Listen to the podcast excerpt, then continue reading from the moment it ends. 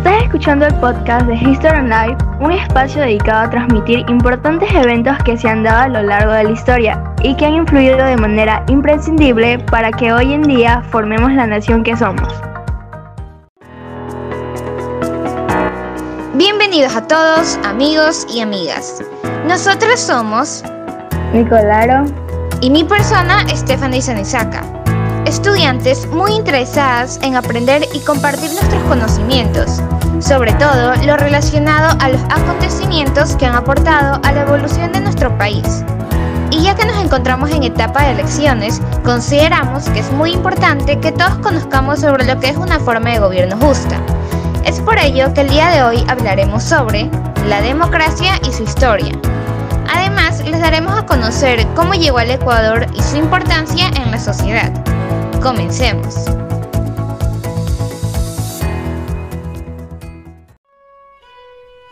Primero que todo, ¿qué es la democracia? La democracia es considerada como una forma de gobierno transparente y conveniente para vivir en armonía. En una democracia ideal, la participación de la ciudadanía es el factor que materializa los cambios, por lo que es necesario que entre gobernantes y ciudadanos establezcan un diálogo para alcanzar objetivos comunes. Ya que sabemos su concepto, procederemos a contarles un poco de su historia, empezando por su tiempo y lugar de nacimiento. La democracia tuvo su origen en la ciudad griega Atenas, entre los siglos 5 y 6 a.C. Esta zona llamada Ática era pobre, por lo que no era de interés para los grandes invasores. En un principio gobernaba Teseo, un rey legendario que en el siglo 7 a.C. logró la supremacía de Atenas por sobre el resto de las ciudades del Ática, y así comenzó su evolución política, pasando desde una oligarquía, gobierno de pocos, hacia una democracia, gobierno del pueblo. Para continuar, les explicaremos un poco sobre Teseo y otras personas que intervinieron en esta evolución política.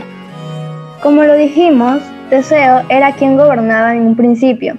Dirigía los asuntos políticos y militares, asistidos por el Aerópago, que era un consejo de nobles con amplios poderes especialmente en la justicia. Sin embargo, estas instituciones solo representaban los intereses de las clases privilegiadas. Es aquí cuando intervienen los nobles para encarar una serie de reformas. El primero fue Dracón, quien elaboró el primer código de leyes escritas de Atenas, mientras que Solón, otro miembro de la nobleza, suprimió la esclavitud por deudas, dividió a los ciudadanos atenienses en cuatro grupos según su riqueza, sin tener en cuenta su origen familiar y creó nuevas instituciones. Finalmente, Clístenes, un político y reformador ateniense, le dio a Atenas su organización política definitiva, la cual consistía en lo siguiente. Número 1. El Aerópago, compuesto por tres miembros, el Basileus o Arconte Rey, el Polemarco y el Arconte Epónimo.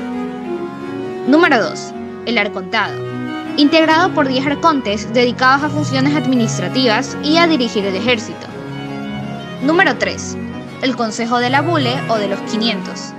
Redactaba las leyes, controlaba a los magistrados y se encargaba de la política exterior.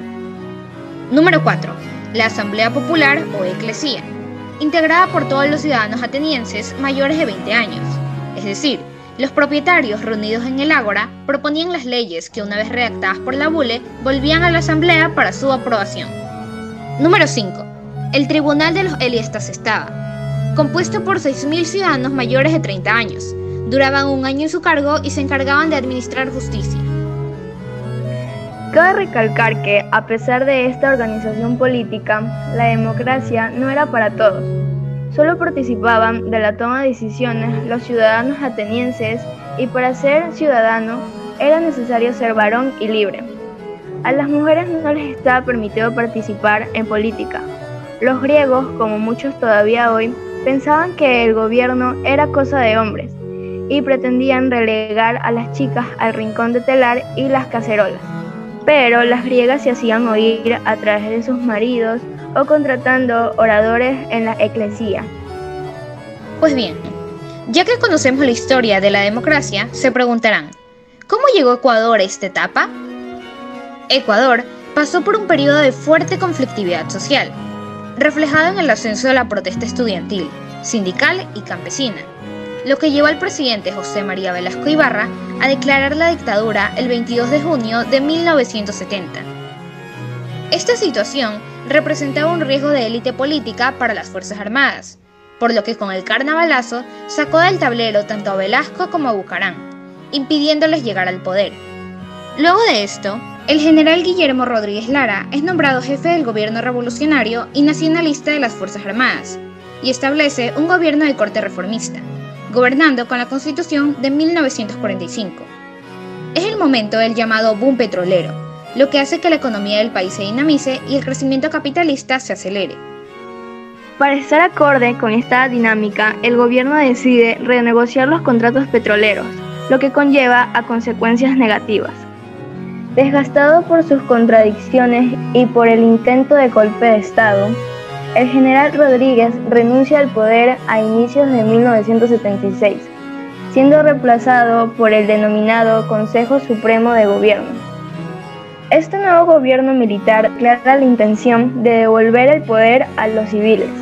Entonces, para iniciar la transición a la democracia, se comenzó con el proceso de reestructuración jurídica, la cual tenía tres comisiones, la que se encargaría de elaborar la ley de elecciones y del partido político, otra realizaría reformas a la Constitución de 1945 y la tercera la redacción de la nueva Constitución.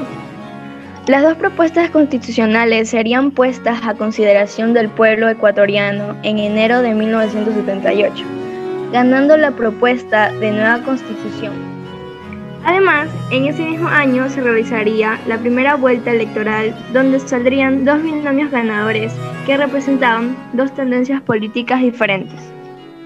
Finalmente llega la segunda vuelta electoral, realizada el 29 de abril de 1979 y después de una conflictiva etapa donde se pusieron en juego diversos factores, Jaime Roldós y Osvaldo Hurtado asumen el poder el 10 de agosto de 1979.